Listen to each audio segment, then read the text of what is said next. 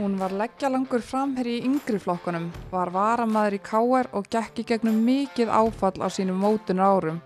Máni Pétursson gamblað á hana fyrir met upphæðir hrauninu, hún kom sent inn í landsliði, orðin góðsögn í Garðabænum með sex stóra titla á bakinu. Þetta, atvinnmennskan og allt hitt. Þátturinn er í bóði Dóminos og Heklu. Ég heiti Hulda Mýrdal. Þetta er Heimavöllurinn.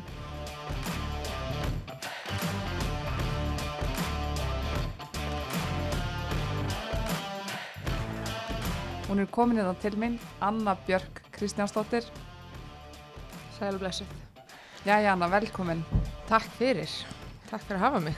Já, ég er að fengi þó nokkra fyrirspunir að fá því þáttin ákveði að leggja til liðar aldagamla vinátt okkar úr Vesturbænum og setja á mig fótbolta rannsóknar glerugun sem ég á í skúfinni.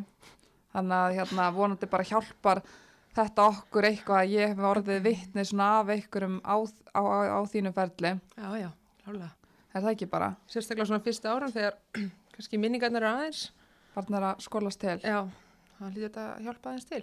Trú ekki öðru. En hvernig var þessi kynning? Kynningi var flott. Ég held að hún eigi vel við. Sérstaklega leggja langa. Þú ert ennþá leggja lang. Ég held að leggja lang. það hefur ekki breyst. Við byrjum kannski, þú ert 30 í dag, uppalinn káar.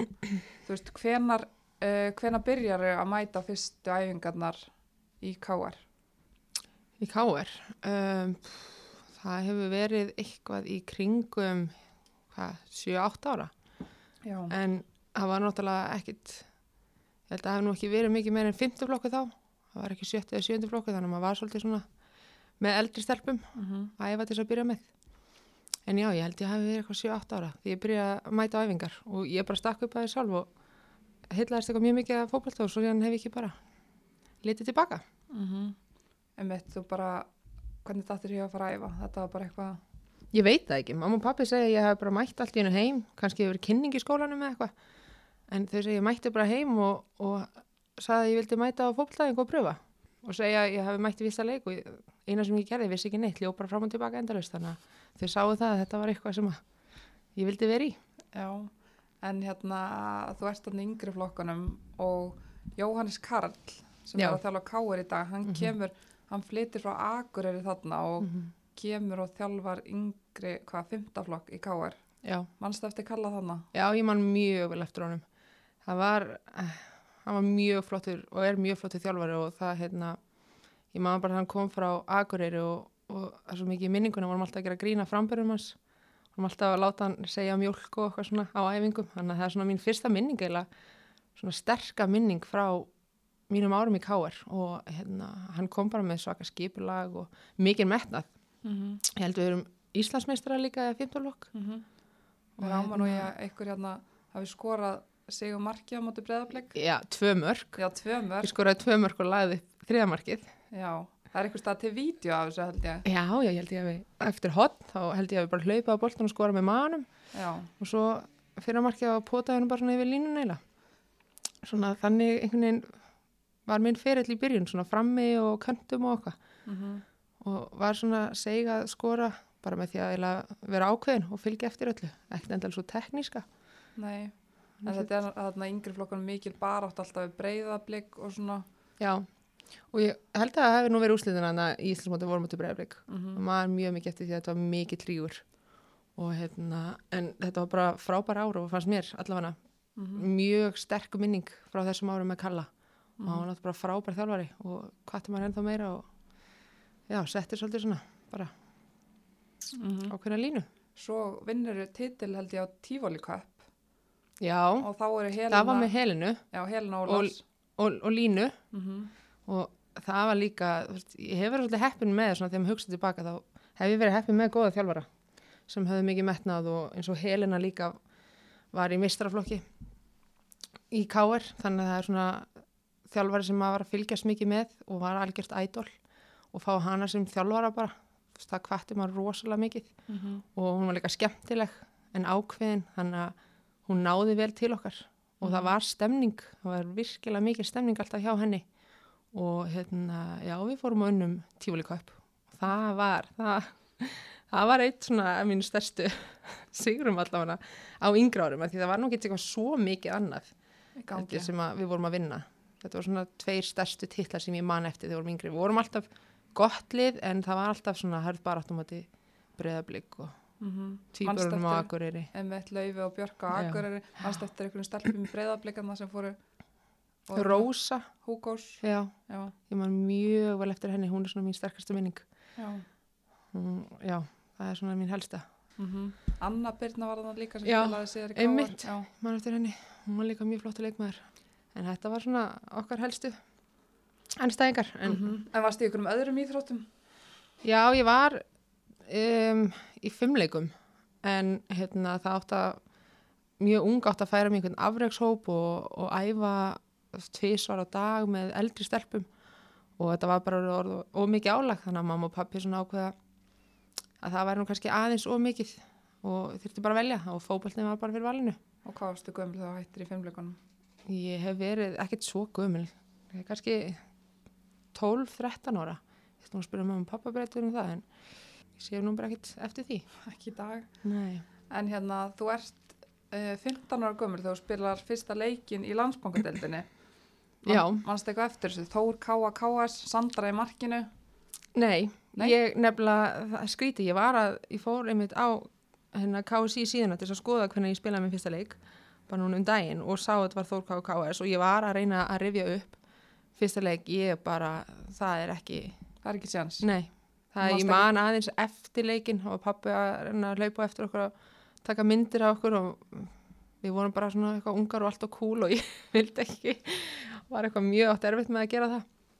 Það er svona mín helsta minning en af leiknum sjálfum man ég ekki mjög mikið ég held bara ég hef verið svo stressuð eða spennt að koma inn á og þetta var eitthvað Mannst ekki eins og hvaða stöð þú kemur inn á? Í? ég var aðalega á kanti Já.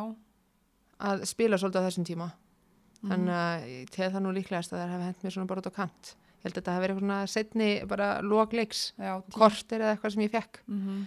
Þannig að nei, þetta var, þetta var ekki mjög stert í minningunum nefnilega sko Nei, ég held að það hef bara verið meira stress og einhver spenna sem að tók yfir það er bara skólast til. Já, svolítið að ég spilaði þennan eina leik, svo spilaði ég næsta ára ekki neitt. Já, af hverju, af hverju þú ert 16 ára þá, af hverju spilar ekki neitt 2005? Ég nefnilega, það, það er spurningin. Það er góð spurning. Það er góða spurningin.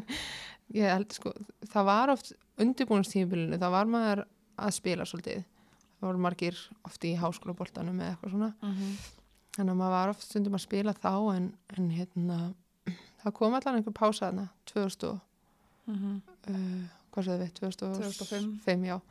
Og spila ekkert fyrir 2006, einhverja fimm leiki eða eitthvað. Þá spilar það fimmleiki og hérna, þarna varst að koma inn á svona sem varamæður þegar það voru 5-10 minnir eftir Mm og það voru leikmenn hann fættir 1989 sama ára þú eins og Ólöf Gerðar Ísberg og Margrét Þórólsdóttir Já. svo voru framar en þú í Já. hvernig var þetta Sko, þegar ég var yngri þá, um, ég get alveg lofaði því að hérna, það hefði nokkið allir sett pening á að ég myndi kannski ná lengst af öllum sem var með mér í flokk á þessum 89 árgang, eins og þú segir, Margrét Þórólsdóttir, Ólef Gerður Ísberg, þú þessi leikmenn voru og líka veist, sem voru hérna ára eldri Agnes Þóra og svona, þær voru allar að fá sjansinn aðeins meir en ég. Þannig að þær voru svona eiginlega vona stjörnur, mm KS myndi ég segja. það fór ekkert mikið fyrir þær þarna. Nei, alls ekki. Og eins og segir, ég fekk bara einhver svona tíu mínútur hér og þar. Og var held ég svolítið svona kantmaður á þessum árum. Mm -hmm. en var eiginlega ekki búin að vera í vörðinni neitt. Mm Vist, alveg upp alla yngri flokkana. Þannig að ég var eins og segir í hérna kynningunum bara svona eitthvað svona miðlungs. Framherri já, gatt hlaupið og, og dugleg og svona ákveðin þannig.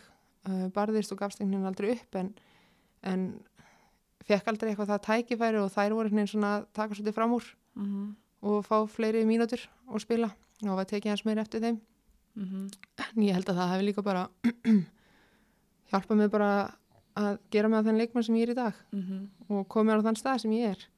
En ég gafst aldrei upp og ég var, veist, það var alltaf gaman að vera þarna, Káur var mjög skemmtilegt við við áttu, náðum mjög saman vilja margar margar fyrirmyndir flotta, flotta leikmenn. Þú ert þannig að æfa með Olgu Fersett, Emblu Gretas, Solfríð Magnúsdóttir, Katrín Ómars.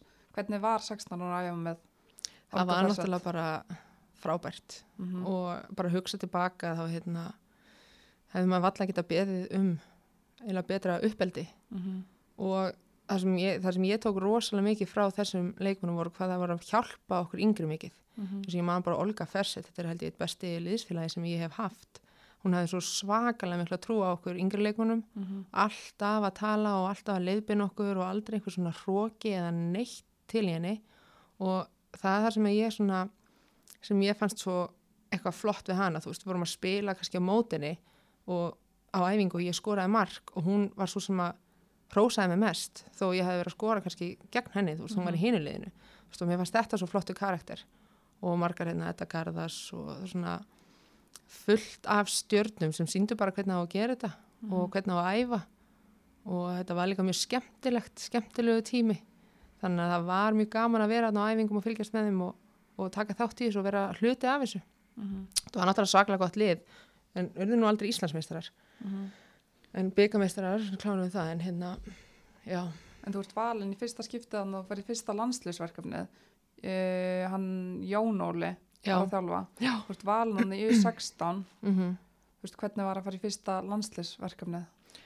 það var náttúrulega bara frábært og ég var búin að vera að fylgjast með Margreti og Ólöfu svona aðeins vera valdar alltaf, það var búið að vera veljaðar eitthvað heldur en áður Mm -hmm. og það var klárlega eitthvað sem að mér langaði rosalega mikið að ná og, og ná einhverjum leikjum með U16 og ég held ég hefði bara náð fjórum leikjum þannig að Mhm. síðasta mótið eitthvað. Mm -hmm. og var, þá var ég líka komin í hafsendin. Þar á undan var ég bara búin að vera eins og segir á kanti og þannig. En þarna var ég komin í hafsendin. Um, þannig að þá og ég hef búin að frétta, ég frétta svolítið seint að hérna um, hún hérna, ég held að það var Olga, ég er nokkuð viss Mhm. hún hafi ringt í Jón Ólaf Mhm. og hérna bara bent honum svona á mig Mhm. að því að það er ég var aldrei veginn tekin í æfingahóp eða neitt og hinn aldrei verið að taka eftir mér eða neitt Mhm. og ég frétta bara fyrir nokkrum árum hann sagði mér að hún hefði ringt og bara svona bent mér á bent hann á mig og hérna við áttum leik við Grindavík Mhm. og hann var að þjálfa þær og hann setti önnuþórunni sem var mjög, sem er mjög flottur leikmaður. Mhm. og hérna hún var, við vorum að mæta hver annar reis svolítið. Og þá tók hann svolítið bara eftir mér. Og hérna ég var svolítið að ráða við hann og ná að halda henni niðri. Og hann valdi mig þá í hópin hann í fyrst skipti Mhm. og eftir það var ég bara mætt á laugavatn, var eitthvað seint, mjög seint kölluð inn held ég. Mhm. og var eiginlega bara eins og ég var alltaf að vera við byrjunlið og svo spilaði ég eiginlega bara alla leiki í byrjunlið og var svo eina sem var alltaf hjá honum. Þannig að og það var svona stort stökk fyrir mig En kannski sagan af því þegar þú sett í vörnina þá er káirlið að spila þarna á Reykjavíkumóti, Mhm. bara vetramóti og e, þú ert á varamannabeknum, mm minni mig, já, og Guðrún Sóli meiðist í Hafsend. já, í upphittun? Nei, ég held að það verið í leiknum. Var það, ekki- já, það getur verið Já, ég já, að já, það. Man getur verið. eftir að Helena líti við, já, bara já, já, segi við þarna aðstofa konur síðan Já. hver, hverju var að setja þetta. já, Heyrðu, og þá bara eitthvað annað, setjum önnu í Hafsend. já, Hún er, hún er svo löng og já, bara, hún les leikin vel. einmitt Þannig að þarna ertu bara að reykja ykkur mótinu, bara fyrir... á móti var, Já, var ekki Margrét Láraðan inn á? gæti verið. Já, mér minni það og já, ég aldrei vera á æfingum í hafsendi eða aldrei neinn svona vera að spila í vörn þannig, kannski bakverði mestalagi, en hafsend var einhver staða sem ég hef aldrei farið í. Og helna í mitt bara ákveður að henda mér inn. Bara treysti því. Mm Ég man sko, hún segir þarna, hún minni mig á Gunnu, já, já, Hún segir þá að þeir eru báðar svona frekar langar, veist, og hún bara þá að tala um þetta strax þannig á bekknum, bara hvað þetta, Já, af hverju er enginn búin að setja hann í Hafsend áður. og ég frétti það líka eftir á svolítið meira að hérna, þegar ég var komin inn og ég bara ok, allt í lagi, flott ég tækla þetta bara geggja að koma inn á og mér fannst líka ég, minnir minningun að Margrét Lára hafi verið þarna og Mhm. mér fannst það bara frábært bara að að kepp mútið hennu og vera svolítið slagsmálum við hana þarna í eftirstu línu Mm -hmm. og hérna og ég, ég frétti það eftir leikin svolítið að í leiknum þá hafi fólk tekið eftir því ég væri smá líkani Mhm. Gunnu og hún var náttúrulega bara frábær vardamæður þannig að fá að heyra það var svona, svona ok, þetta er kannski bara mín staða. Mhm. og mér leið alltaf frá byrjun mjög vel í hafsendinum. Og hérna þannig að og fann það svolítið að þetta væri kannski bara eitthvað sem að ég ætti að fara að fókus á. Og hérna, þannig að ég get takk, þakkað helinu alveg mikið fyrir að hafa fundið þessa stöðu fyrir mig. Mm -hmm. og hafa ákveðið að pröfa mig þarna og síðan var bara hérna, eftir það fór ég ekkert úr hafsendinum Mhm. og það var ekkert farið tilbaka úr því. Og hérna, já, þannig að það var svona það var svolítið skemmtilega leikur. Og ég, maður varst það einmitt svolítið skemmtilega minning. Mhm. svona hvernig það þróaðist yfir að ég fór allt í nú bara í hafsendin Mhm. En hérna 2007 er KR-lið náttúrulega bara með gríðarlega stertlið 2007 og 2008 er í baráttunni mm val um titilinn, mm -hmm. vinna byggarinn byggar á mútið val. Jú, já, og hérna en þú spila bara eitt leik 2007 já, og svo 2008 spilar þú fjóra leiki mm -hmm. tvo í byrjanliði þú veist, hvernig, hvernig sástu þetta? Þannig erstu orðin eh, þannig er ég 17-18 ára. Já, og þannig er ég náttúrulega komin á þann aldur og mér finnst að ég þurfa að fara að fá fleiri mínútur. Mm en á sama tíma þá áttaði mér á því eins og þú segir káurliðið var svakalegt á þessum árum. Þannig ég áttaði mér nú kannski alveg á því að ég var ekkert að fara að ganga inn í byrjunarlið átján ára. En það sem að mér fannst svona aðeins kannski mætti bæta var að þú veist leikirni sem við vorum að vinna stórt. 11-0 já, 10-0. já, að það mætti nú kannski henda svona leifa manna að fá fleiri mínútur í þeim leikum Mhm. að aðeins að svona byrja að slípa mann til og gefa mann smá reynslu að því að þú veist það var enginn að segja það að Káur var að fara að breytast kannski næstu árum og það þurfti einhver að taka við eða hvernig það færi veist þannig að og líka bara 17-18 ára leikmaður. Ég hefði viljað fá aðeins fleiri mínútur og það var farið að pyrra mig Mhm. og nokkra hérna yngri líka.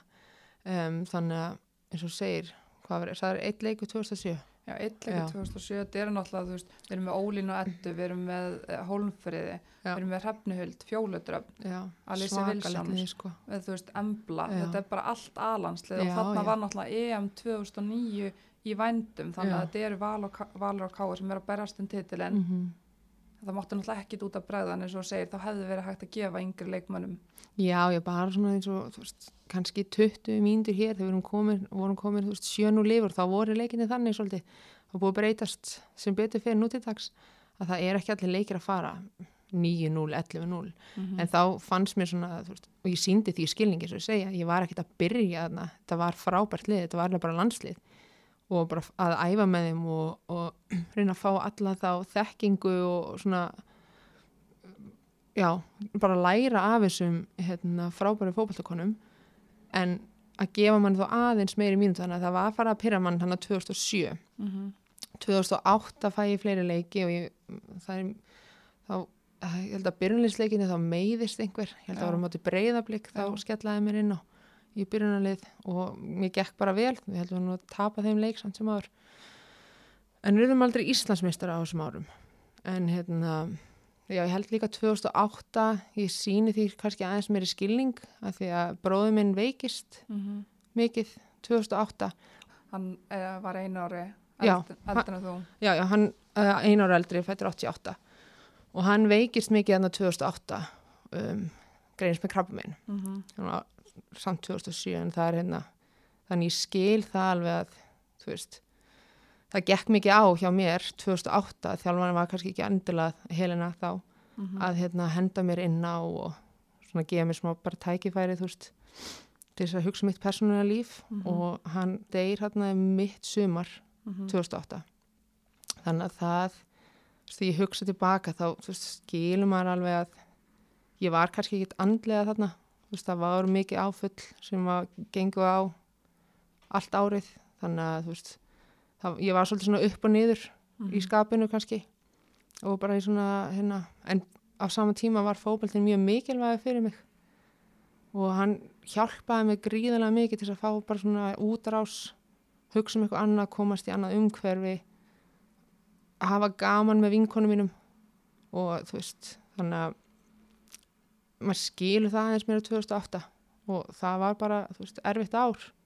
Það er, þú veist, já.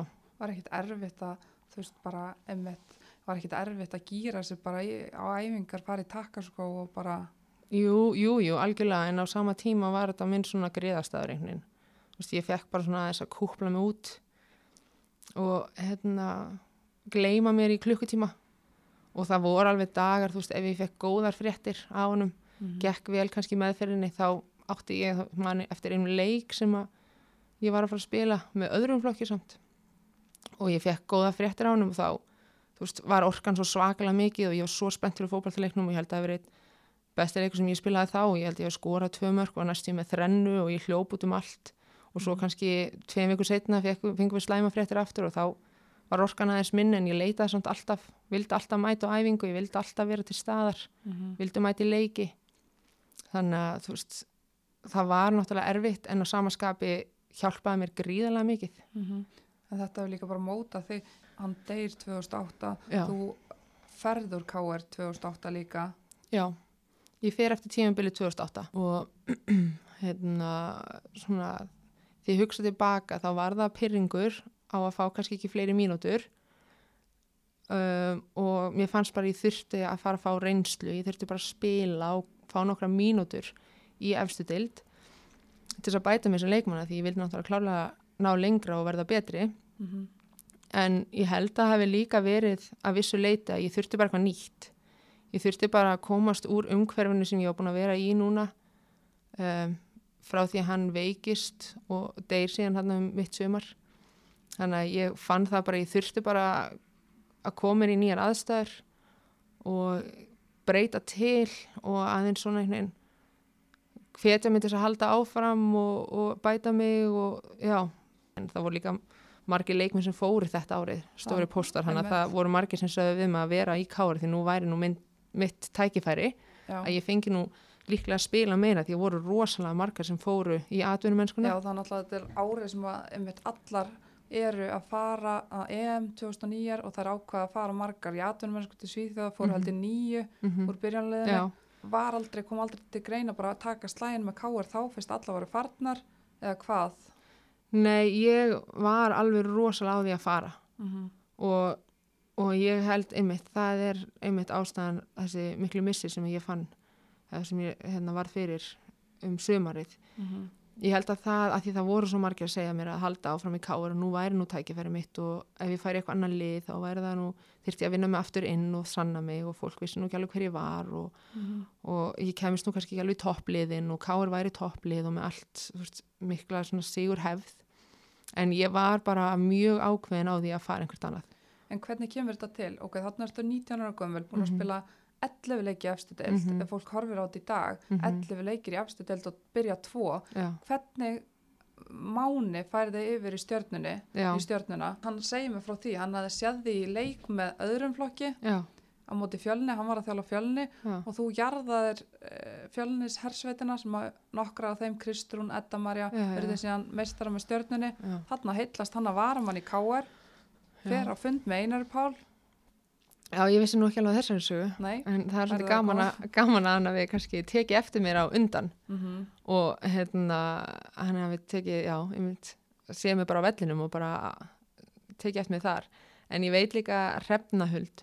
Jónis, hún var að fara yfir á stjörnuna fara yfir í stjörnuna þessum tíma Mhm. og þau töluðu saman Máni og- og hún og Hrefna saði eitthvað að ég væri svona best geimda lindamáli eða í, í káar Mhm. að hérna, ég hefði bara aldrei verið eitthvað svona spila mikið og vissi svo sem enginn af mér þanniglega og Máni greinlega líka með fjölninsleikin þarna eins og þú segir, hefði tekið eftir mér. Þannig að hrefna er svona spyrir mig aðeins hvort að ég hafi áhuga á að kíkja á stjörnuna. Og stjörna var nú aldrei búin að vera eitthvað topplið, ég held að það var bara mestarlega yfir í fjórðarsæti Já, og svona, svolítið svona skemmtirilið svolítið aldrei unni neitt. aldrei unni neitt nákvæmlega.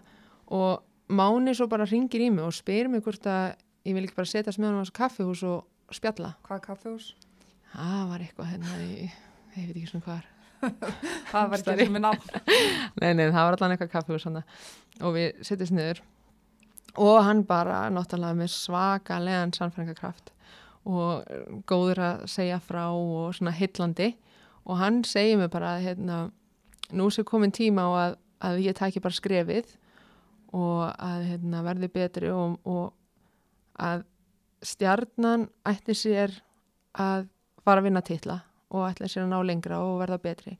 Og hann svona selur meila á því að að K er sé nú með mikla sigur hefð og búin að vinna allt en, og ég sé ekkert að fara að skrifa neitt nýtt þar. Mhm. það er allt búið að skrifa, þú ert búið, búið að vinna alla titla og allt þannig, en að stjarnan að ég geti verið partur af því að skrifa nýja sögu í, í tjástjörninni að fara að vinna, nýja, fara að vinna titla í fyrsta skipti Mhm. og það er eitthvað sem að mér fannst bara mjög heillandi En og skemmtilegt því? Trúður Já. að þetta geti gerst? Já, trúðu mér, farð þú að fund með. Mána og hann getur fengið til að trúa öllu sko, hann er alveg og hann náttúrulega svakalega stóran þátt í því hvert stjarnan fór svo að lokum sko. Mhm. En, En- það var vandamál þarna, þú, ég minna þetta er í Garðabænum, þú þurft, þú gast ekki komist á æfingar, þú átti bara hjól.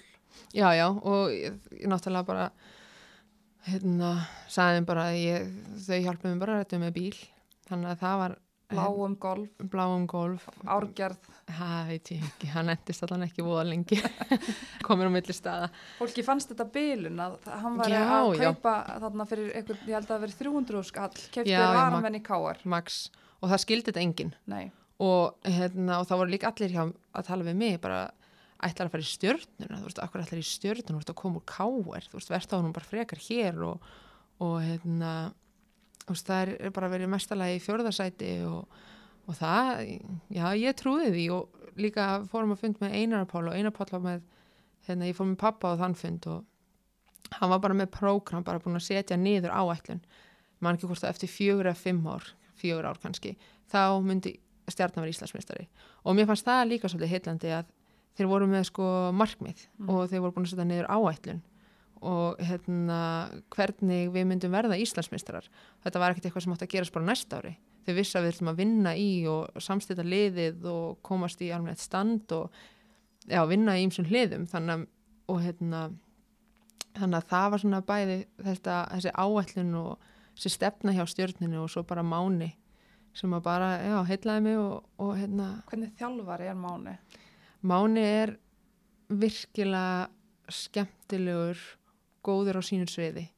Hann, hann hérna, mjög, hann, hann hvetur mann og hann fær mann til að trúa því og það var það sem hann gerði með stjórnuna. Hann fekk okkur til að trúa því að við getum unni alla og hérna, við ættum ekki bera bera náttúrulega virðingu fyrir flottu leikmunum en á sama skapi áttum við ekki vera hrætta við þær eða þú veist, óttast þær eða neitt. Við ættum bara að vilja taka þær bestu. Veist, ef það verið hot þá ætti ég bara að vilja dekka margetilári, ég ætti bara að vilja taka bestu leikmunina og bara jarða þær. Mhm. og hann fekk okkur svolítið svona til að trúa því að við getum gert það og við værum nógu góðar. Og hérna ræðurinn hans fyrir leiki maður var alveg bara vel gýraður og, og hérna bara svona, já, veginn af stað, byrja að vinna með haustum á okkur. Uh og fá okkur til þess að leggja meira á okkur og svona að við þurfum að vinna fyrir þessu. Að maður þarf að byrja að vinna í haustum á sig til þess að komast einhvert.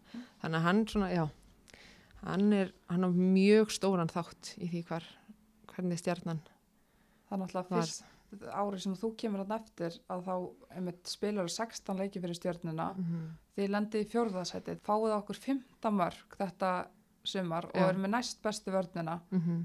Valur sem var Íslandsmeistari fekk á sig 17 mörg. Máni var talað um það að stjarnan hefði fengið var held ég með enga leikmenn í, í liði ársins eða umferðarinnar já, það var rauð já, það getur verið og það vissu þú fannst þér það eitthvað pyrrandið að þú veist Nei, alls ekki, mér fannst bara hérna, geggja að vera þarna, geggja að spila, fá allar þessar mínútur. Ég held nú að ég hafi ekki alveg átt að spila svona mikið til þess að byrja með. Meiðist einhver hérna uh, á þessum tíma en svo í undirbúinstímbilinu. Þannig að, og nei, ég var alls ekki að pyrja með því. Mér fannst bara frábært hvað, eins og segir, hvað við vorum að fá, fá mörg á okkur. Og hérna, nei, nei, ég var ekkert að hugsa um þetta þessum varst tíma. ekki komin á þann stað Nei, varst nei, eitthvað- mér fannst bara frábært að vera að spila og einmitt. leggja mitt á mörgum og svo, þú veist, þetta er alltaf svo svona verðlun á svona einhverja svona titla, þú veist, það er ekkert að hjálpa þér að vinna neina titla á vellinu og það var aðalega það sem ég var að fókusa á. Mhm. Þetta var bara svona auka sem að var ekkert endilega. en þú ferð 2010 árið eftir þá er þeir eru með samalið þarna er Gunnhildur Issa Já, hún Sofía, Inga Birna, Adda, Björk Gunnars. Sandra, já, þarna er Sandri markinu. Þarna eru þeir með samalið og komist í byggarúslitaleikin já, uh, og tapið 1-0 fyrir val. Mannst eftir að hafa mætt í fyrsta skipta laugatasvöll Já, ég man mjög vel eftir því. Uh, með stjórnir þá sem byrjanleis sem byrjanleisleikmar, ég man mjög vel eftir því. Þá var Óli Guðbjörns að þjálfa okkur. Og hérna, við töpuðum þeim leik 1-0, sagði það ekki? Mhm. uh, og það var náttúrulega mjög svekkjandi og hvart okkur bara svolítið áfram. En líka fekk okkur til að trúa því að við gætum, við værum ekki langt frá þessu. Og hérna, já, ég man mjög vel eftir og það var líka uh, já, ég ætla ekki að tapa mikið fleiri byggarleikum eftir þetta. Það er ekki skemmtilegt. Þetta er svona eitt leðarsti leiku til þess að tapa. Mhm. ok, 2011 þar, þar verði þið mm -hmm. Íslandsmeistar í fyrsta skipti. Vinnið deildina með nýju stigum. Mhm. vinnið 17 leiki tapið einum að harpa Þorsten sem þarna kom frá blikum held ég, Astrid Bers, já, Láki að tekið við þarna. Já, náttúrulega bara frábær þjálfari hann og Jói voru saman þegar bara þetta er svona besta þjálfara teimi sem ég hef haft og gerðu gríðilega mikið. Náttúrulega Láki er náttúrulega meistari í taktík og lesa önnu lið og fá það besta úr liðinu sem hann er með Mhm. og fá það besta úr leikmunum sem hann er með. Hann settist um leikminn í einhver stöðu sem ég var bara hvað er hann að hugsa? Og svo allt veist, Elva Friðjóns kom inn á kantinn og hún vorum að tapa eða jafntefli og hún bara breytti leiknum. Ég held að hún hafi aldrei farið á kant áður en hann hendur á kantinn. En þá sá hann einhvern veikleika í hjá anstæðingum á, í bakverðinu með eitthvað sem að kannski Elva hennar styrkleiki nýttist þar. Mhm. og hann bara skellt henni þangað og hún gerði gríðalega mikið fyrir okkur í þeim leik og þú veist, hann bara var snillingur í þessu að fá bara besta úr leikmunum og, og ekkert að hugsa þú veist, já hún er miðumann, hún skal vera á miðju heldur bara hvernig er anstæðingurinn hvernig er liði, hvað þurfi við og bara bregst við leiknum, þú veist, meðan já, meðan hann er í gangi þannig að Mhm.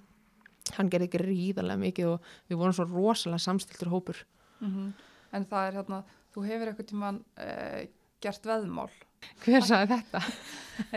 Þessi saga er þannig að hafið, þú hafið eitthvað tíma fyrir eitthvað tímabil Já. sagt ef við verum Íslandsmeistara þá raka ég gemma fætunar eða allan líkamann í þrjá mánuði eftir sísón Já, og mannst eftir þessu? Nei, ég man ekki eftir þessu. Ertu vön að lofa svona? Fólk getur fengið mig í ímislegt, það getur sagt þér. Sérstaklega ef, er eitthvað um, ef það er svona flott veðmál, ef við verðum Íslandsmeistaratitil ég skal gera margt fyrir það sko. En þú mannst ekkit eftir að hafa verið með loðna lappir í þrjá mánuði eftir Nei, ég held að ég hef bara með svona Sigur Víman hefur bara tekið yfir það.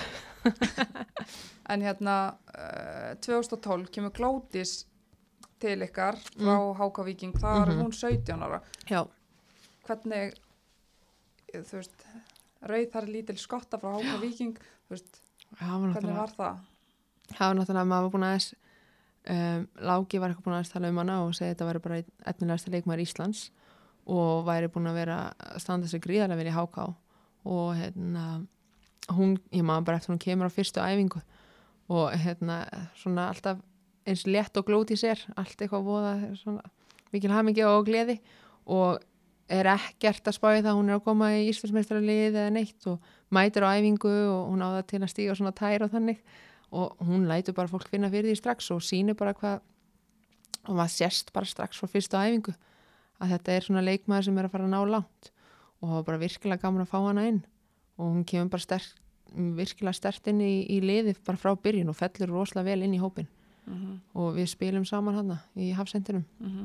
En hérna þetta ár farið líka þarna byrjar meistardeldin þeir farið til Rústlands í ferð. Já, það gerist nokkur sinnum endum alltaf í Rúslandi hvernig var að fara til Rústlands sko, við fórum endum að fara þrísvar til Rúslands mannst eftir einhverjum Dr. Big Já, ég man eftir Dr. Big segðu mig frá honum Dr. Big, þetta var, þá vorum við í Moskvu að spila og liðið hérna reddar okkur einhverjum nei, reddar okkur einhverjum lækni og hann mætir held í peysu eða eitthvað, eða ból sem stendur á Dr. Big og mætir með einhverja tösku, talar valla ensku og við erum með sjúkraþálan okkar hana og hérna hann ætla bara að fara að gefa okkur einhver efn, ekki, ég veit ekki hvað efni er en, en sjúkraþálfarinn svona aðeins tekur okkur tilbaka og, og ég man að ég þurfti eitthvað nutt minni mig og hann tekur mig.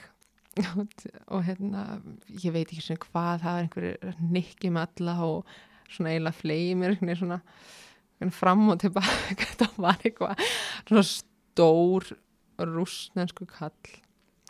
Og það í einu leik þá, í leiknum hann þá hérna, meiðist einhver, ég man ekki hver var höfuðhögg en það var hvort það var glótis eða eitthvað. Og hann sprettu með töskuna sína og, og hérna rýfur upp eitthvað svona ég veit ekki hvort það sem að liftingagallarnir taka alltaf svona svona, þú veist, brjót þetta. Eitthvað í nefið. já, svona, svona, þetta er svona til að fá svona svona röss eitthvað, þú veist, áður en taka og hann bara vippar því fram og ég held að það verið glótis eitthvað 17 ára pjakkur. Og hann stingur þessu nefið á henni. já, lætur hann svona sniff eitthvað og hún náttúrulega bara fær eitthvað headröss hann að 17 ára.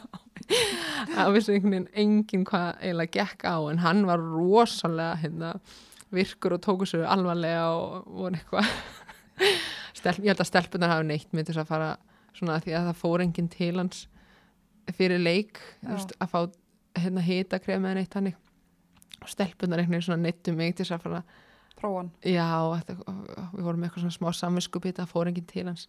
Og það var hita krem um allan líkamann og ég var bara þetta var, ja, var skemmtileg vinning sko, það var alveg svona típiskur einhver rúsnenskur harðjagsl Mm þannig að það var virkilega virkilega eftirminnilegt. Já, þetta var skrautlega ferðir. En, já, mjög en eitt hérna sem ég tók eftir að þú spilar hann að leik með U23 landsliðinu. já, til Skotland Eitt leikur þar, ekki. já. Og þarna varst þú ekki að búin að spila landsleik síðan 2008 í fjögur ár. um mitt Þú veist, hvaða máli skiptir þarna, þú veist, þú veist ekki komin í A-landslið og Mhm. þarna er 2012, þarna erstu 23 ára, ekki Já. búin að spila A-landsliðsleik, já. er þennan U23 ára leik? Já. Sko, ef þú horfir á leikmenn svona, ég tel að það vantar gríðarlega að hafa eitthvað annað landslið en U19 svo beint í annarslið. Þetta er svo svaklega stort stökk og fyrir leikmenn sem mig sem að kannski svona blómstra svolítið seint, Mm þá það fá ekki leikarna í einhver ár skiptir bara gríðarlega miklu máli. Og þetta er eitthvað sem að, þú veist, ég hefði klálega þurft á að halda -hmm. að fá, þú veist, ég veit það sjálfa ég var ekkert tilbúin að fara í landsliði þannig að 20, 21, 22 23 var ég nú aðeins kannski farin að svona banka á dyrnar. En það hefði gefið mér gríðarlega mikið að hafa landsleiki að keppa við aðra þjóðir og, og reyna að bæta mig enn frekar sem leikmann. Og þetta, þetta er bara náttúrulega í þeim löndum sem ég hef verið í þetta er bara gefið mál að það séu ut 23 ára og það er að fá flotta leikjum út í bandaríkjunum og Englandi og og bara hjálpa þeim svakalega mikið að bæta sér sem leikmenn. Þannig að þetta var mikilvæg leiku fyrir mig. Um, þetta var einhver ferð, það var alanslisferð og U23 fórum á sama tíma. Og, en það var alltaf æfingar á sitt hverjum stað og svo fekk hérna, stundum einhver leikmar úr 23 að æfa með aðliðinu en ég fekk það nú aldrei uh, ekki á þessum tíma.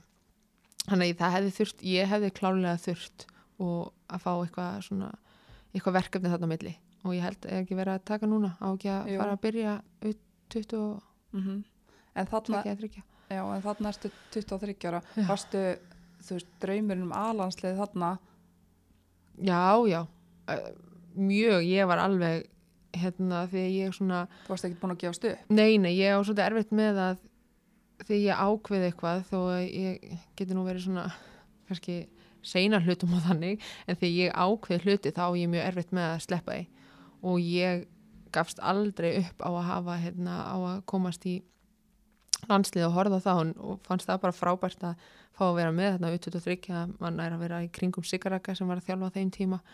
Svona aðeins að sína sig líka. Og vonandi að hann taki eftir mann og sjá hvað maður getur og gefa mann sjens en nei, ég gafst aldrei upp á að hérna, það var alltaf stefna mín að ná í allanslinu og ég vissi að einn dag myndi ég nú allan að ná að spila þá var ekki nema einn leik og það var alltaf markmiðið mitt og ég vissi það sjálfa, ég gæti það þannig að ég einhvern veginn gafst aldrei upp og var ekkert að hugsa um að ég væri orðin 23 ára og ekki komin landsleik, það var einhvern veginn það, skipti mig einhver mála því ég vissi hvað ég gat og ég, ég var að bæta mig alltaf á hverju ári og var að verða betur og betri leikmaður og sterkari leikmaður líka. Þannig að ég alveg var först á því markmið og gaf ekkert eftir þar. Og 2013 þá verði Íslandsmeistar aftur, vinnið alla leikina. já, það var ótrúlegt ár. Var, ekki, var það ekki planið fyrir mót að vinna hvern einasta leik? Jú, ég held að það hef nú verið Það- svona, hrókafyllt að segja það Þetta hljóma líka heimskulegt hjá mér að spurja var planið að vinna alla leiki? En þú veist, þið gáfið það út er það ekki eða hvað? ég man ekki hvort að við gefið það út. Við vorum nú alltaf mjög passívar og hérna að vera ekki hrókafullar af því að þú veist hróka, mér finnst það ekkit passa í fótbolta þú máttu ekki vera hrókafullur, þú þarf alltaf að mæti alla leiki, en að sjálfsögur settu okkur mark með að, að vinna alla leiki. Það var bara við förum ekki leiknum að við vinnum hann. Og við vorum bara með mjög flott lið, við vorum ekkert eitthvað með marga landslýs leikmenn á þessum tíma. Var um, Harpa, Harpa var ekki Gunnhildi farin? Jú, Harpa skor 28 mörg Já. það var ótrúlega gerir rosalega, já, glótis Danka. Þetta var náttúrulega mikið af svona flottum leik, leikmönnum og hérna, bara liði var svo samrýnt og við einhvern veginn sáum það einhvern veginn, það var ekki hróki okkur en okkur fannst við bara svo samstiltar að, að það var einhvern veginn enginn að fara að vinna okkur. Og ekkit endilega út á hinliðin að setja það var bara við, okkur leið bara eitthvað svo vel en á vellinu, það vissi allir sitt hlutverk. Við vorum með mismöndi týpur eins og þú segir Danka var hérna frábæra á þessum árum alveg dýrkana sem leikmann og mannesku og svo náttúrulega hörpu þarna frammi og öllu náttúrulega bara stoppa allt og eins og hersæðingi á miðjunni og ég og Glótis náðum mjög vel saman í hennar hafsendinum Mhm. og svo náttúrulega með söndri fyrir aftan okkur hann að þetta ég veit ekki hvort við hefum endalega sett sagt bara 18-0-0, við ætlum bara að vinna alla, alla leiki í sumar en við náttúrulega settum bara markmið að vinna allt og þetta var náttúrulega frábært tímabil mm og hérna, já, Láki hérna ja, hann heldur mikið upp á þessum leikmann og Mm. karakter og Já. það er- verður kannski fyrir betur út í það eftir svona aðeins þinn karakter já, já. en það, þú veist uh, þegar mikið að gera hjá þér þú ert kona stóruleikjana já. og þú ert, uh, þá er hérna okkar kona í gýrnum en mhm. minni leikirnir, það, Mhm. þá getur þér átt til að leiðast Já og það var eitthvað sem ég vissi að ég þurfti að vinna svolítið í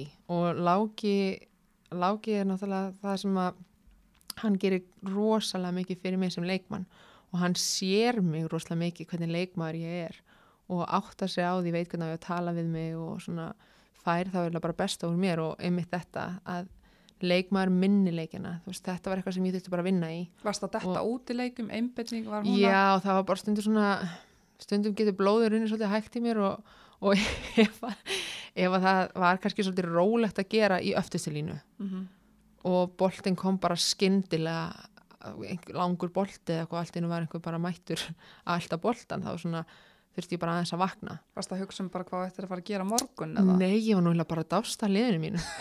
Ég, var, var stundum bara svona að horfa á hörpu bara, þú veist, með einhver frábær skot og ég var voða mikið svona að hvetja og, og hérna, fannst voða gaman að fylgjast með og þú veist. Og ég þurfti svolítið að passa með að tala svolítið við sjálf mig og það var svolítið mér þurfti að vinna svolítið með Mm líka á æfingum Varst það detta út þar líka Láki var alltaf að segja það að ég væri ekki æfingaleikmaður og það ætti ekki að, ætti ekki að sko horfa á mig og setja mig í byrjanlið út frá æfingum. Það var ekkert endilega, þú veist, alltaf mm það besta. Þú veist, mér varst bara gaman á æfingum og ég var alveg, veist, á þeim tíma fannst mér alltaf verið að leggja mig fram og ég var alveg að reyna að bæta mig og allt svoleiðis. En það var samt smá svona einhver takkir sem ég þurfti að íta og, og breyta til á þessum tíma og ég vissi það og Láki saði það líka en áttaði sér samt alveg á því hvernig ég var og, og kunni líka alveg að meta það hún gerði oft bara grína mér -hmm. en ég vildi líka bæta mig í þessu og fór að reyna að vinna svolítið með þetta Hauðsinn já og vera tilbúin í öllu neik, ég man í U19 það var alltaf ég segja frá Jó, þessu sko. gott um það. U19 þá hérna voru að spila held ég á móti Írlandi og við áttum ég held að veri, ég man ekki, jú, Írland. Og voru tveir leikir á móti Írlandi í röð og fyrir leikurinn vinnum við, við vinnum hann 1-0 Mm. og ég er valinn maðurleiksins og hérna var bara Óli talaði við mig og var bara mjög flottan leik.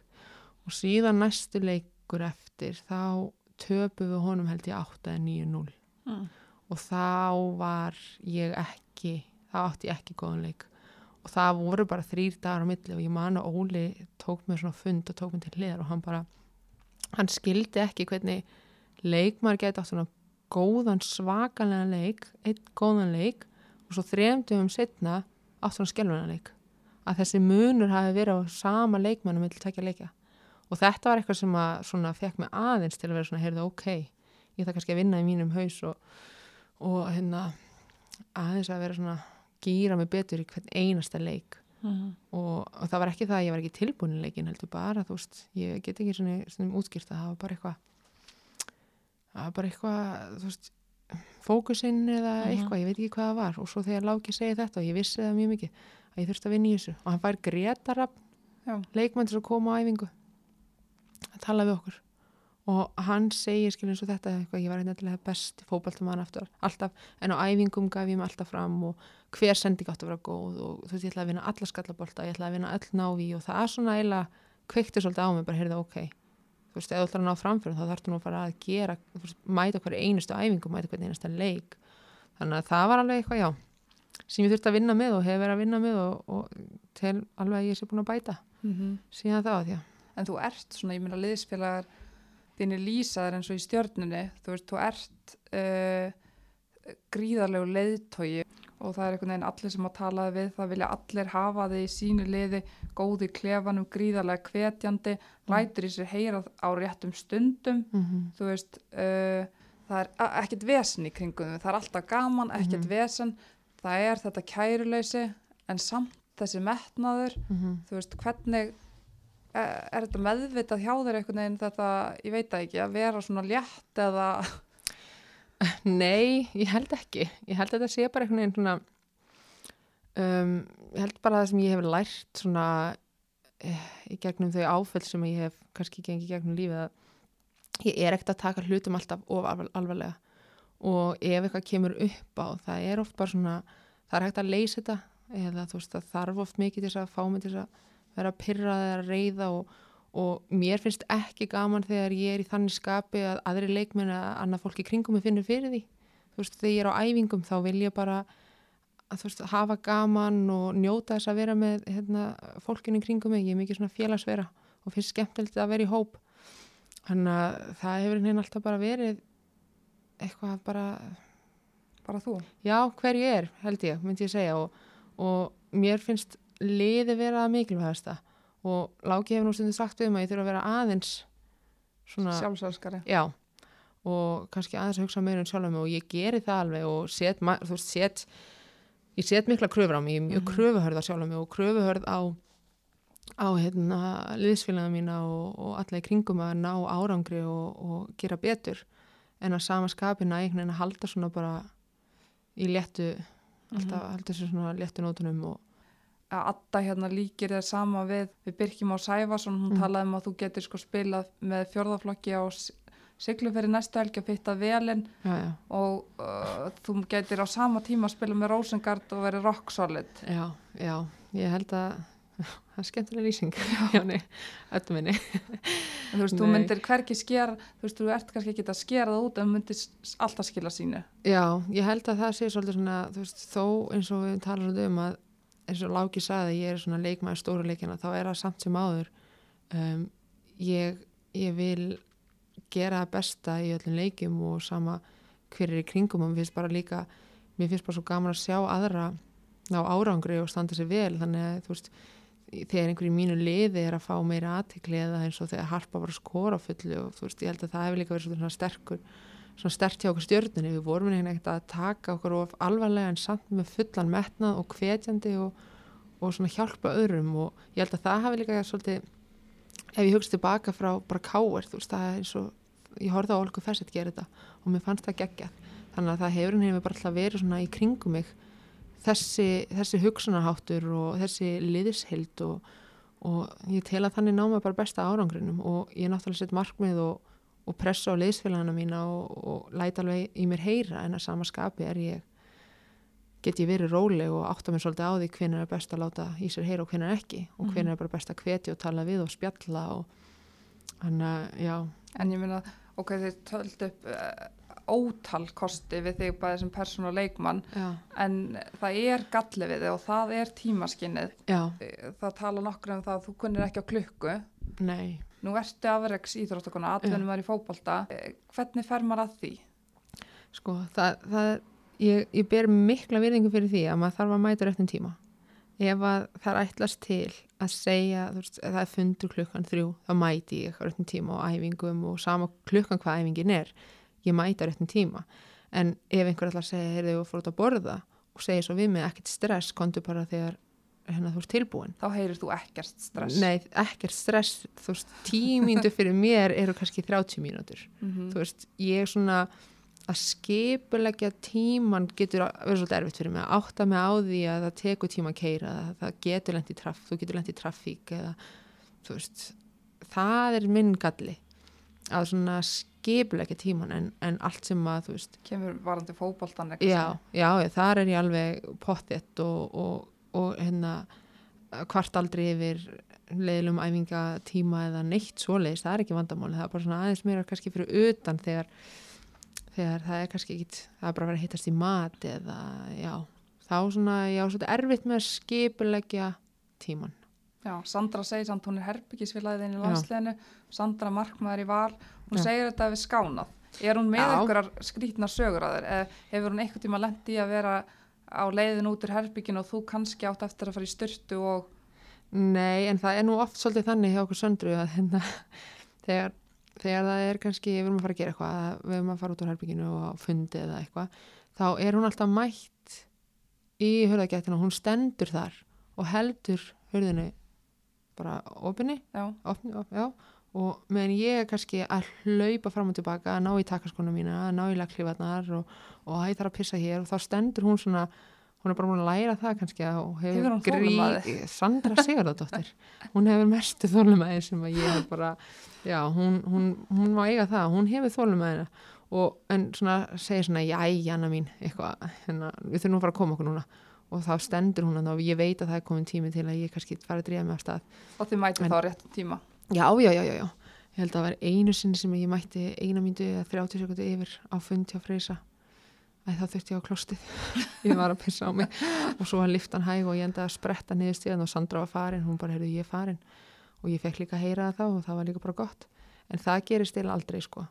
Og hérna, en ég er orðin betri og ég er farin að læra það að það er bara betra að vera mætt á tíma Mm og þá get ég bara beðið í tímyndur. Þú varst mætt hérna, þú beðist eftir mér hérna Þannig að maður er að sjá eftir þessi ári í útlöndum, Já. þá er, svíjarnir kunna á klukkuna og Já, og það var einhvern veginn sem ég var að halda svona eitthvað svona liðs alltaf að bjóða liðin í mat og ég sagði bara já, ég er bara klukkan 6 og hérna á Íslandi þá var allir að mæta svona hálf 7-7 Mhm. og ég stóð ennþá í bara hérna, nýkomnu styrtu og var að ryksu húsið og þá ringdi dyrabjallan og þar mættu allar á slæðinu 6 Já. þannig að ég lærði það þar að það er ekki ef þú segir þessi klukkan 6 þá er það klukkan 6 Mhm. og það er lát, láta mann alveg heyra það. Já, það er ekkit sex leitið sko. En ég hef myndið að svona, já ég bara mæti um sex. Þú veist það átti að fólk bara gera svona til og huga að því að fara að mæta en þannig ég læriði það í Svíþjóð. Og það var alveg eitthvað sem að ég er bara enn að bæta mig og Mhm. það er alltaf alltaf að bæta eitthvað En fyrir utan að vera svona að taka lífin ekki á alvarlega þá hefur Mm. gríðarlega metnað inn á vellinum og þú vildir alltaf komast í landsliði. Hvenær ertu valin í fyrsta skipti í landsliði? Allandsliði? sko Siggi Raggi velum mig 2011 Mm -hmm. um, bara, ég man ekki eins og niður þetta var einhver hérna, já já, 2011, æ- þá var ég bara tekin inn í einn hóp og ég fann það alveg, fór að fund með honum og svona og hann var eitthvað að segja mér að ég ætti ekkert að vera stressuð með allar stóra leikmenni í landsliðinu, ég ætti bara að láta það finna fyrir því og mæta bara og sína bara með kassan út. En svo mæti ég á æfingu og ég finn það alveg, ég er kannski ekki alveg komin á þennan líkamlega stað kannski samt orðin 22 en þú veist. En hérna finn Margit Lára fyrir einhvern veginn í mig og, og hérna hendi mér annars bara til hlið og ég láð hérna eftir var eiginlega bara að geta grasið þannig að ég fann það svolítið svona ok, heyrðu, halló.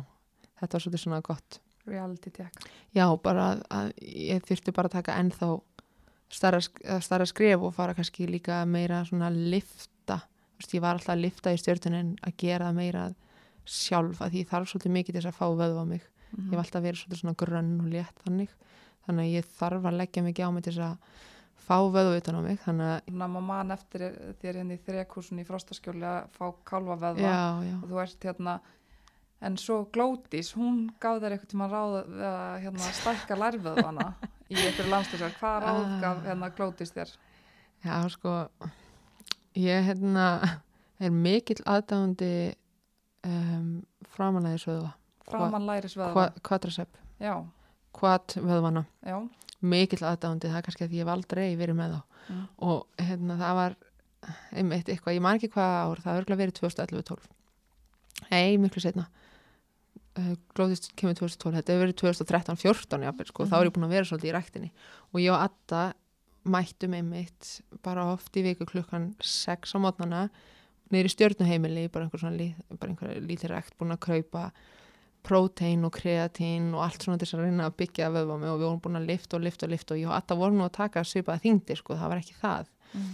þannig ég var alveg að lifta þungt og búin að æfa á fullu allan veturinn, svo erum við eitthvað landstinsæfingu í Atta og og vorum eitthvað að skokka á í uppbytun og ég er eitthvað að horfa svona að lærin og svona eitthvað, "Ah, þetta er svo pirrandi maður. Eitthvað, aldrei fæ ég þessa vöðva og byggja svona sterk.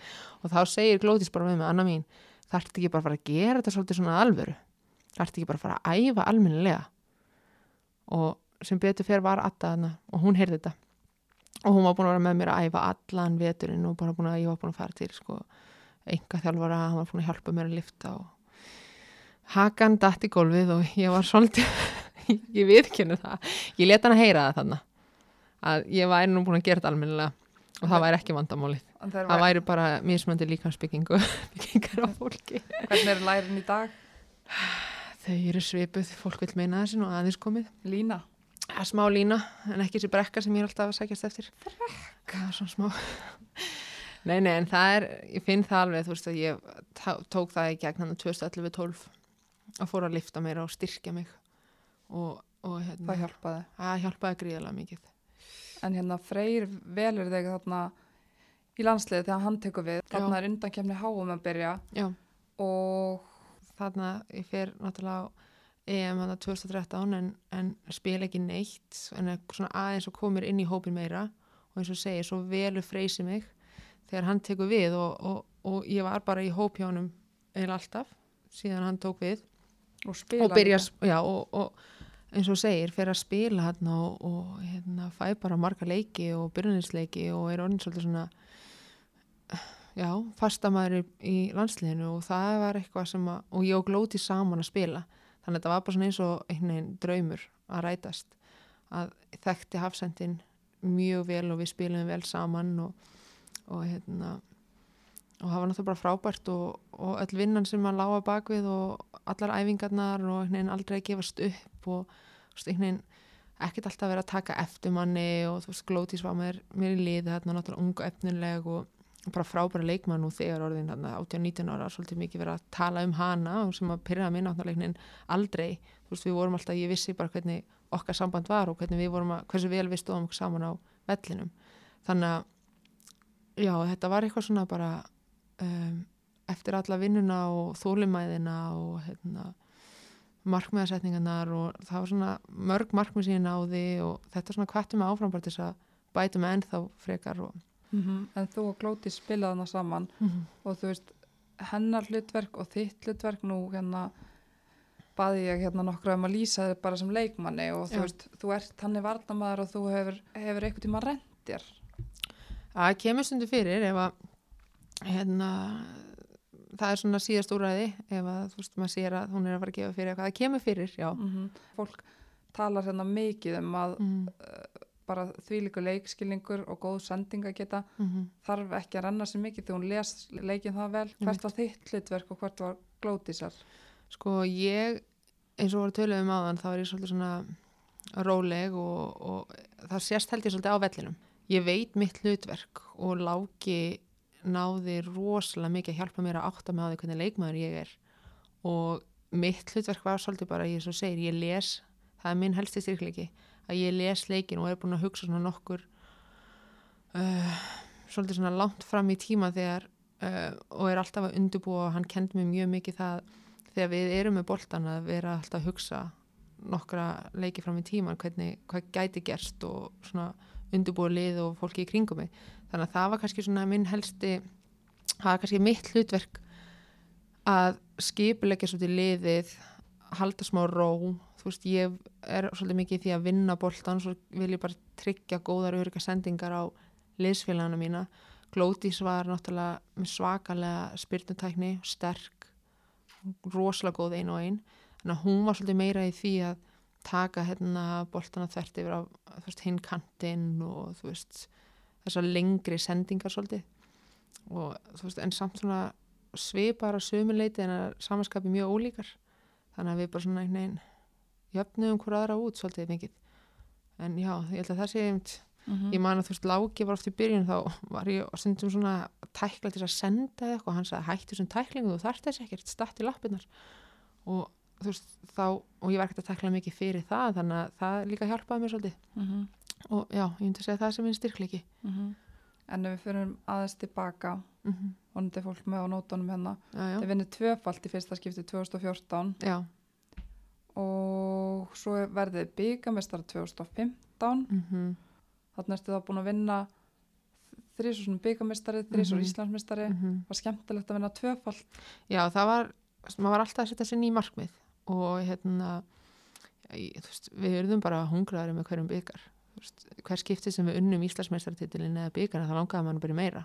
Mhm. og það var alltaf svona ok, nú erum við búin að vinna Íslandsmeistartitilin en við hefum aldrei það, veist, ég vil vinna tvö ári röð Íslandsmeistartitilin og það var alltaf svona einhver ný markmið sem maður setti sér. Og það var eitt af mínum stærstu markmiðum var að ég vildi rosalega mikið vinna tvöfald og að ná því þarna 2014 hvað sagði þér, 2014 Mhm. já, 2014 og að ná því var bara Draumur. Já, og bara svo, það er svo gaman að ná svona markmiðum, ekki bara einstaklingsmarkmiðum, heldur með öllu liðinu. Þú veist, við vorum allar að tala um þetta bara, hei, við höfum ekki ennþá unnið tvöfald, við þurfum að gera það Mhm. og að við þurfum að hérna, vinna tvö ári röð veist, við þurfum að verja titla, veist, ekki bara að gera annað hvert ár. Mhm. Þannig að það var svona mörg markmið, eina sem að ég hefði viljað var, var að ná tvöfald tvö ári röð, en það, það hefði tekið svolítið lengri tíma því við unnum ekki næsta árið Mhm. nema byggarinn þannig að ég man bara eftir þessum tímu þetta var, veist var svona gullaldarskeið og Mhm. hérna einhvern veginn, maður bara fannst maður að vera, þú veist, geta alltaf náðu lengra og alltaf, þú veist að gera eitthvað nýtt og, og já, Mhm. setja sér mar nýjum markmiðin þetta er síðast árið til stjörnur svo já, ákveður þarna 2015 að fara út sem atvinnukona til Svíþjóðar 2016. Hvernig kemur það til? Um, ég var búin að svona aðeins að hugsa um að fara í atvinnumennskuna og ég var nú sjálf búin að vera eins og segir lengi að koma inn í landsliðið og, og svona einhvern veginn tók smá tíma og, og mér fannst bara ég þyrfti að taka skrefið aðeins fram á við. Ég var búin að vinna alla þessa titla með stjörnunni og ég vildi bæta með sem leikmann. Ég var búin að sjá Glótis fóra út ára á undan. Um, ég eskist hún að Arnasi var að spila hjá Gautaborg um, Sara náttúrulega hjá Rosengard ég var búin að sjá Adda var búin að fara til Kristjánstað og þetta var bara eitthvað sem hyllaði mér rosalega mikið.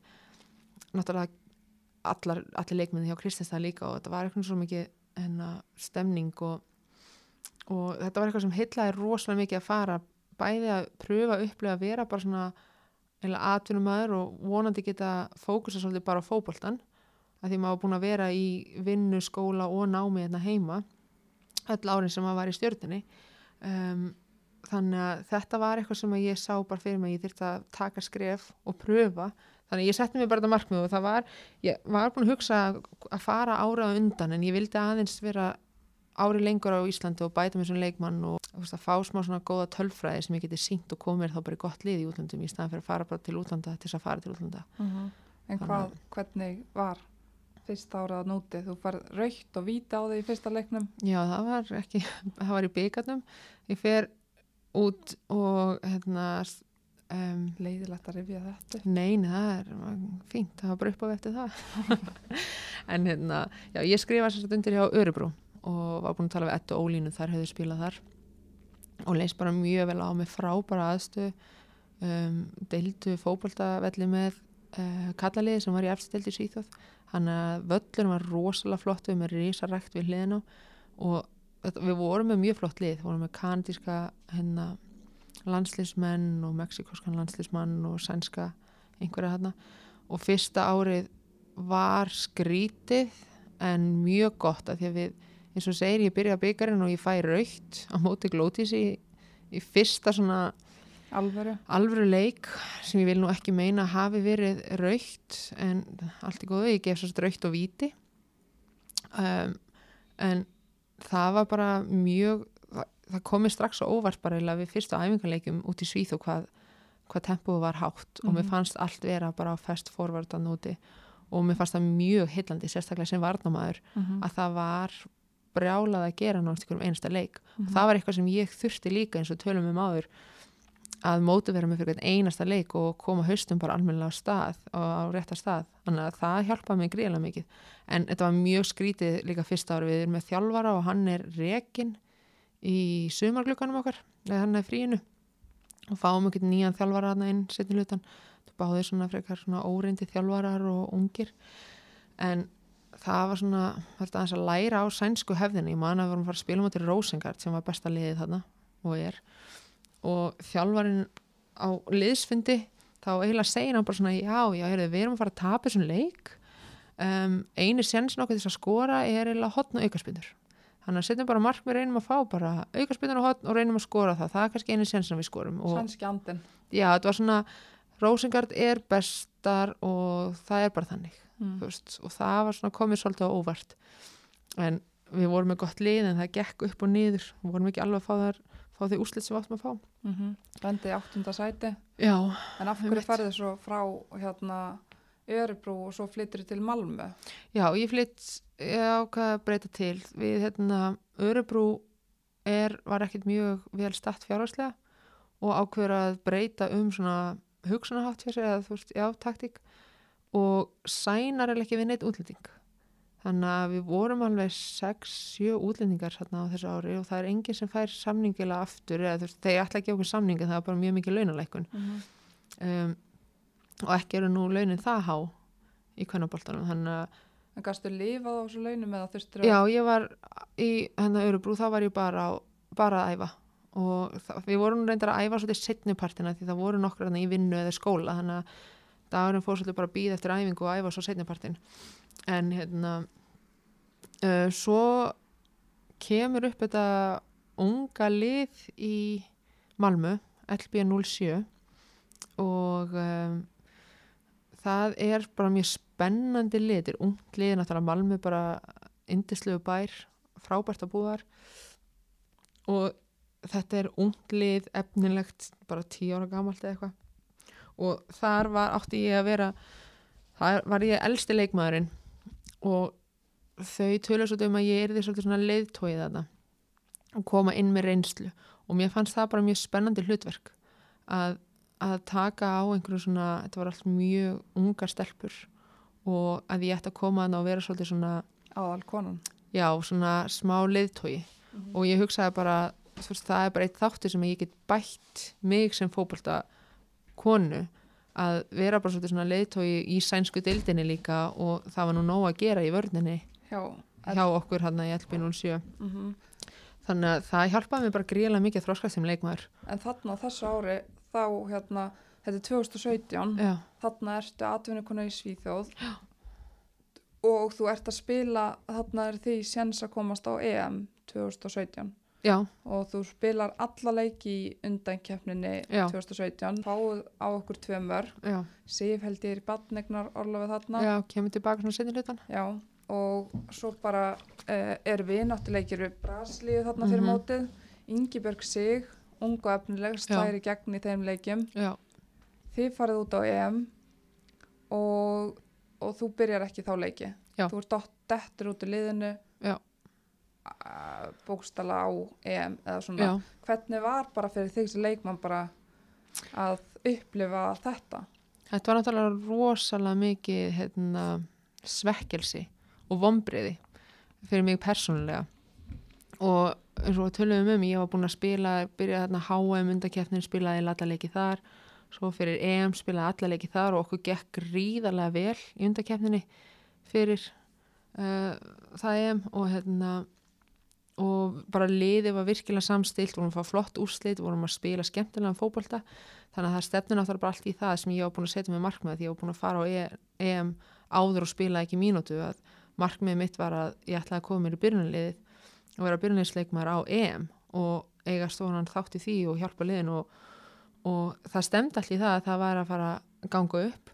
Hvað gerist, meiðistu þarna í þessum já, leikjum? nei, ég, já, ég meiðist fæ eitthvað nikk í náran eða eitthvað, það var eitthvað já, fæ eitthvað tak í náran sem er bara mjög leiðilegt og svona var ekkert eitthvað svo lengi, ég held að það var Slóveni eða Slóviki eða eitthvað, Mm. mm. vorum að keppa einhverja æfing lengi þarna þannig að ég dett út úr átti ekkert að vera ég átti að byrja þann leik en, en hérna dett út og Ingeborg kemur inn í staðin út af meðstofnum hjá mér og stendur sér bara vel og svo komum við til Íslands og spilum svo við Brasilíu og hún er aftur í byrjunliði um, náttúrulega mikið sjokk fyrir mig en ég var farin að sjá það svolítið fyrir að, að ég væri mögulega að fara dett úr byrjunliðinu kortir í lokamót. Það, það, ég þurfti að undirbúa mig líka fyrir það hennar samanskap að sína það að mér finnst ég ætti að vera í byrjunliðinu og það geti vel verið að þú veist, ef maður hugsa tilbaka að það hefði verið einhverju leikir á undan sem að ég hefði bara ekki sínt mína bestu hliðar og hvað nákvæmlega svo ástæða var sem að ég dett úr byrjunliðinu eða kannski þú veist,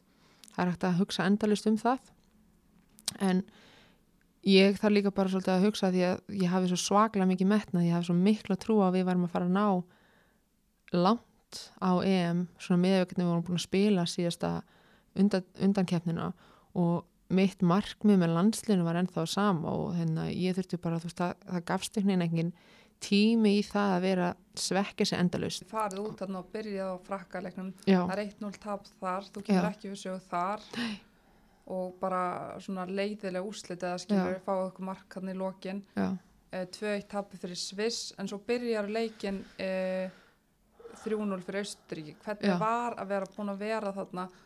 Óhrefður varamaður eða hvort að þú varst búin að koma eitthvað inn á? Nei, nei, nei, ekki neitt. En hvernig var tilfinningi svo að byrja fá þennan loka leik vitandi að þú veist þið væri kannski ekki að fara langt á þessu móti með við hinn úrslitin? Já, hvernig var að vorum sig náttúrulega, upp í við vorum náttúrulega dottnar út strax þar. Um, ég var náttúrulega að ákvað það bara fyrir þetta var náttúrulega rosalega mikil tilfinningar úsipanni þannig lagað. Uh, en ég ákvað það fyrir bara þegar ég kemst að því þarna þegar hann segir byrjunlegið mútið Fraklandi að ég ætla samt sem áður að gefa allt sem ég hef til að hjálpa liðinu að ná langt og trúa því að við getum náð langt. Þannig að ég, hérna, við erum hérna að gefa, reyna að gefa mikið af mér og vera um, til staði fyrir liðið og hjálpa á leiðbina og hvetja og, og náttúrulega frábæra leikum, átti frökkum sem var ros mikið vonbreið að fá ekki allan að stig út, út úr honleik, út úr þeim leik segi um, en hérna það fyrir mig veist, bara fá allavega leik hérna á móti veist, þó við varum dottnar út þetta var náttúrulega rosalega mikið svekkelsi innan hópsins. Og ég vissi það bara ég var svona nokkur fersk að koma inn í liðið. Þannig að ég þurfti bara einhvern veginn að rífa okkur einhvern veginn eða svona vera allan að hvetjandi inn á vellinum og rífa liðið áfram. Og ákvað bara að veist, nýta tækifæri og, og njóta þess bara. Að vera að spila á lokakeppni EM. Mhm. það hefði verið markmiðið mitt í langan tíma að ná að spila á lokakeppni. Og ég var að fara að fá þarna leik og ég ætlaði ekkert eitthvað að vera að svekja mig á því hvernig uh, persónulega hefði verið hjá mér á þessu móti fram að þessum leik og íta því bara til hliðar og, og klára bara hana leik og setja svo bara ný markmið. Þannig að en það var mjög skrítin leikur, það voru margi mættir. Við vildum gefa allt og gefa áhörundum. Það var svo rosalega mikið skemm, stemning og skemmtileg, við vildum gefa allt til áhörundana og segja bara svona þakka fyrir stuðningin Mhm. en að samanskapi allir rosalega svektir yfir að vera ekki komin áfram. Var vita fyrir leikin að við varum ekki að fara neitt þannig að það var mjög skrítin og svona blöndu tilfinning en, en ég ákvað bara að leggja það til liður og reyna bara að gera það besta úr svona leik og, og já, njóta þess að spila þarna með við vorum. Mhm. Já, en eftir þennan tíma þarna út í, á Evrópumótinu þá kemur hann alltaf bara aftur til Svíþjóðar. Já, þar tekur fallbaráttan við í, í, með LB 07 já, já. Það var náttúrulega ára undan var búin að vera svona halgir ströymatímibil hjá okkur en LB við byrjum allan að uh, virkilega vel og vorum held í fyrir sumar pásuna, hérna fyrst árið mitt hjá LB í þriðja sæti, veist, við vorum bara það var bara unnum leiktöpum, unnum leiktöpum. Þannig að þetta var alveg svona spennandi og mikið metnar hjá liðinu að halda áfram. Um, ég er líka í sjúkarþjálfunar að þú veist, að læra sjúkarþjálfun hann á þessum árum. Og ég þurfti að vera heima janúar, februar ef að ég ætla að klára BS í sjúkraþjálfun þannig að það er ekkert eitthvað vinsalt að maður segi við lið. Hefði ég verði ekki út í undirbúinstífilin í janúar, februar en LB var bara mjög skilningsrikt gagvart því og vildi halda mér. Þannig að þeir leiði mér að vera heima sem var náttúrulega bara frábært að fá geta gert. Mhm. að þau geta gert bæði nám og fótbolta á sama tíma. Þannig að já, en við höfum mikið metna fyrir þessu tímabili og fengum, ég fekk Rakil Hönnudóttir með okkur yfir Hún sem kemur var, sem var frábært. Hvernig var að fá félagskap? það var indislegt, virkilega góðu félagskapur og, við náttúrulega þekktumst í gegnum landslið og svona, svona ágætis vinkonur en ekkert eitthvað þú veist, já þekktumst ekkert gríðalega mikið svona utan fótboltans. Þannig að það var bara frábært að fá hana inn og, og einmitt það sem okkur vantaði eitthvað svona ákveðin, bara hlaupa gikk frábæri fótbolta. og til að skora, það var svolítið vandamál hjá okkur að skora þannig að það var indislegt að fá hana og frábært og við byggum eiginlega bara nánast hlið við hlið Hún segir samt að þú hefur ekki svona, svona lýsir svona ágætla þínum karakter. Þú áttir ekki síma hlæðslutæki í tvo mánuði. Þannig að það var ákala erfitt fyrir hann að ná í þig. það fór rosalega í töðunar á henni En Anna mín, nú er hlæðslu snúra til í annari hverju búði í Svíþjóð. Já, já, þetta, það er ég, ég er mjög nægjusum og ég er ekkert að stressa mig á hluti, við áttum eina, ég og kærist minn áttum eina hlæðslusnúr og mér fannst það bara nóg, en það kannski lendi því að það kannski var það þannig að annar sími var bara, það var bara hlaða annan síma í nóttina, þannig að minn svona oft ég var ekkert að stressa mig á þessu, ég var að nein, já, já, ef fólk þarf að ná í mig þá geta það bara, þú veist þá býður það bara. Hann rakir var alltaf út í búðu með mér og bara, heyrðu, hérna er hlæðstakki, ég nei, þetta er svo dýr búð Það er ekki stressað það að var ekki nískan í mér. Ég er bara svona, æ, nei, ég kaupi þetta bara setna þannig að ég held að hún hafi nánast enda að gefa mér bara hlæðstæki í, í, í, í ammæliskjöf já, en hún er svona alveg pottit alveg á öllu svona og líka hjálpað mig líka bara með svona tímaskinn og skipla og hún er alveg pottit í þessu. Dreif hún helluna sem að var ekki hellan sem ætlar að segja nei, þá sögu. já, ég bara var með-? Já, ég var elda og, og kveikt og varst á vittlislega hellu og, og setti upp svona plast skurðbretti og hann á helluna og meðan var ég bara að hlusta tónlist og skera einhvað grammit í, í bara svona syngjandi og svo allt innu leiti við og þá var bara sko plasti gjössanlega brána og svona risa svona plast, svona bubble, svona kúla bara komin upp og með þess að snífurinn lá í þessu og hann var allur út í plasti Og segðu mér svo, hvenar, gegst í það að laga þetta? Þetta gerði svona fyrsta árum mitt í Svíþjóð. Þetta var eina fjórum hettum svona, guð, svona já. Já, já, Og það var ekki fyrir en, þú varst að fara heim. já, og ég þurfti að skila íbúðin á mér. Það hugsaði ég svona, já, ég þarf nú kannski að skila. Þannig að plastið var í eitt og hálft ár já, þetta var svona skemmtilega plasthúðuð hella. hella. Við vorum ekkert að stressa okkur á þessu eða það Nei, nei, svo var þetta bara ansi auðvelt að gera. Ég held að ég ringdi bara í, í húsfélagi og þau voru bara kall komin 20 minnir setna og það var búið að redda þessu á hálftíma og Rakel let mig heyra svolítið ofta af hverju ég hefði nú bara kert, gert þetta strax, kerst svolítið í þetta en ég var með þrjáraðara hellur og það, það dugar. já, já, ég var ekkert eitthvað að stressa með þessu Nei, en, uh, en, nei, nei, en það var alltaf indislegt að fá hann og en það voru svona svolítið vonbreið hvernig það gekk allt, allt og við vorum svolítið en bjargið ykkur í síðustu umferð. já, samanskapi var þetta mjög lærdómsríkt tímabil Í stuttumáli, já, ég held bara ég hef ekki tapað svona mörgum leikjum í röð og það reyndir virkilega á andluðu hliðina og einhvern veginn að gýra sig áfram og hvetja liði og við rakir hún farin að prenta út eitthvað kvót og, og Hvernig? eins og, myndir eins eitthvað og svona hvað kottum að þú veist, Vons. nið já, já, þú veist, þú veist, lamið niður nýju sinni statt upp tíu Já, sinnum þau voru og, þar. já, já, já, við vorum farin að prenta út myndir af öllum í liðinu og hend, þú veist, setja út um allan hérna, klefa og eitthvað svona alls konar reyna að hvetja liða áfram og, og en það var virkilega líka bara, ég held að það sé svona eitt skemmtast leikur, var síðasti leikur del, í deildinu og við þurftum eiginlega bara að vinna hann, við gátum ekki trist hann einn annan. Við vorum í þannig stöð að það bara annarkvort vinnu við ekki og fellum það bara niður ef við töpum. Og við vinnum þann leik bara á móti Jörgardin, Ingeborg og Gugu og það var það var virkilega góð tilfinning og svona öðruvísi tilfinning kannski en ég hef upplifað svona í gegnum minn fyrirlein á Íslandi. Heldur þetta að vera kvótin sem voru að koma okkur þessa statt upp? Já, ég er, ég er ekki frá því að því að síðustu leikinum þá held ég við unnum 5 af 6 þar á undan voru búin að tapa held í 11 í röðu eitthvað, þetta var búin að vera rosalega erfitt.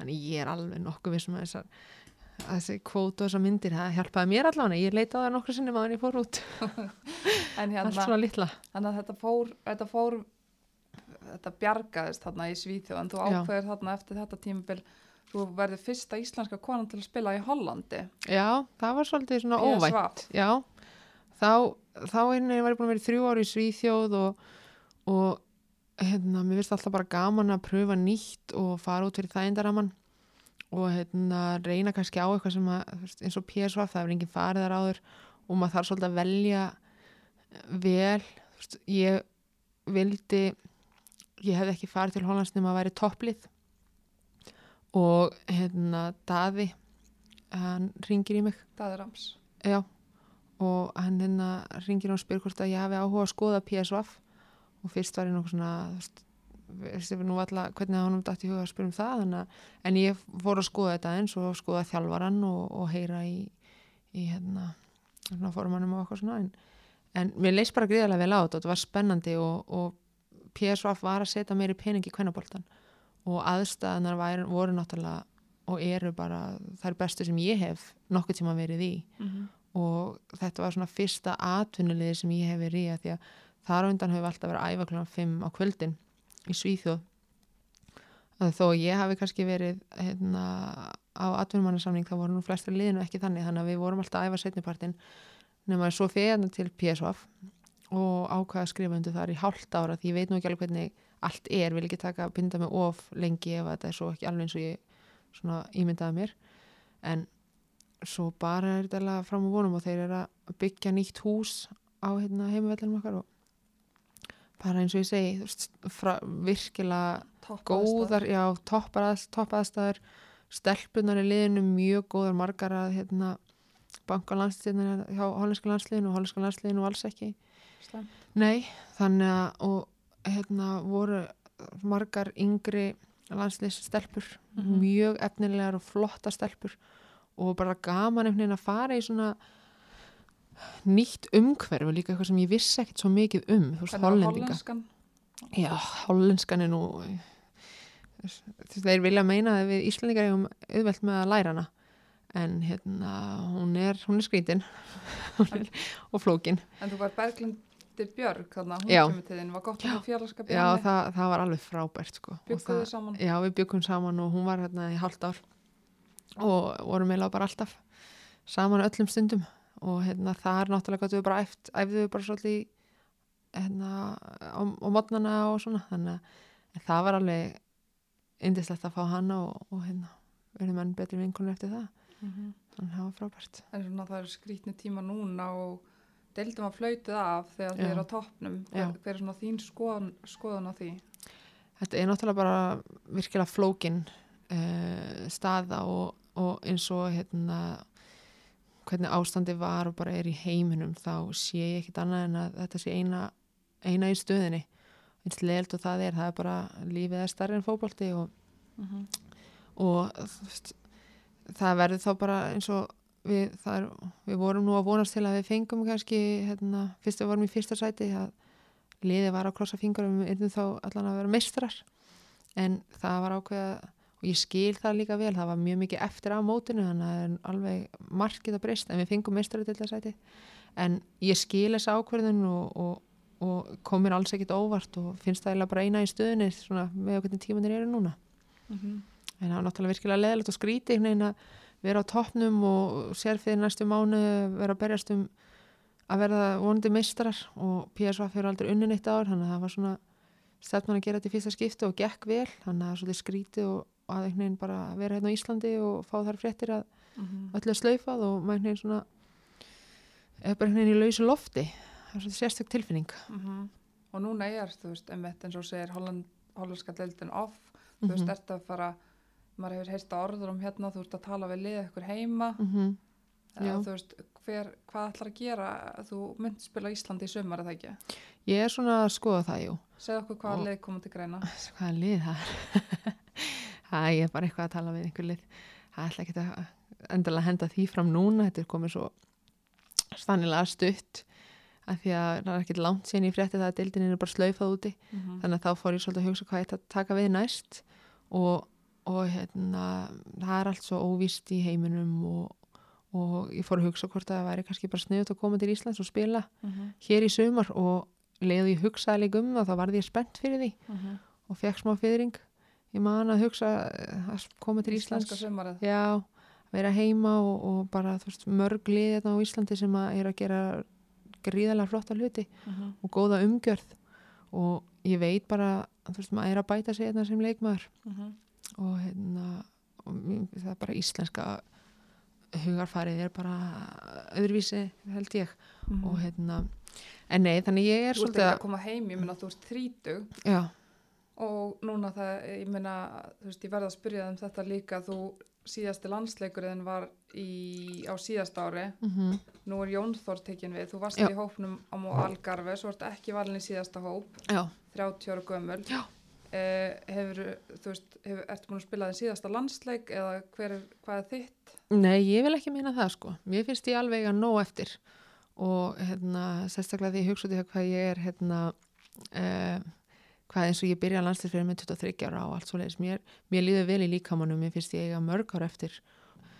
Ég stefna alveg á það að halda mér í landsliðinu og, og hérna, set mark, mark, metna minn í það að hérna að, og ég er ekkert að hugsa um bara að vera í landsliðinu heldur vil ég líka bara komast almennilega aftur í byrjunarliðið og, og er bara svona að hugsa hvernig ég get bætt mig og, og mynd svolítið á, mynd svolítið á mig.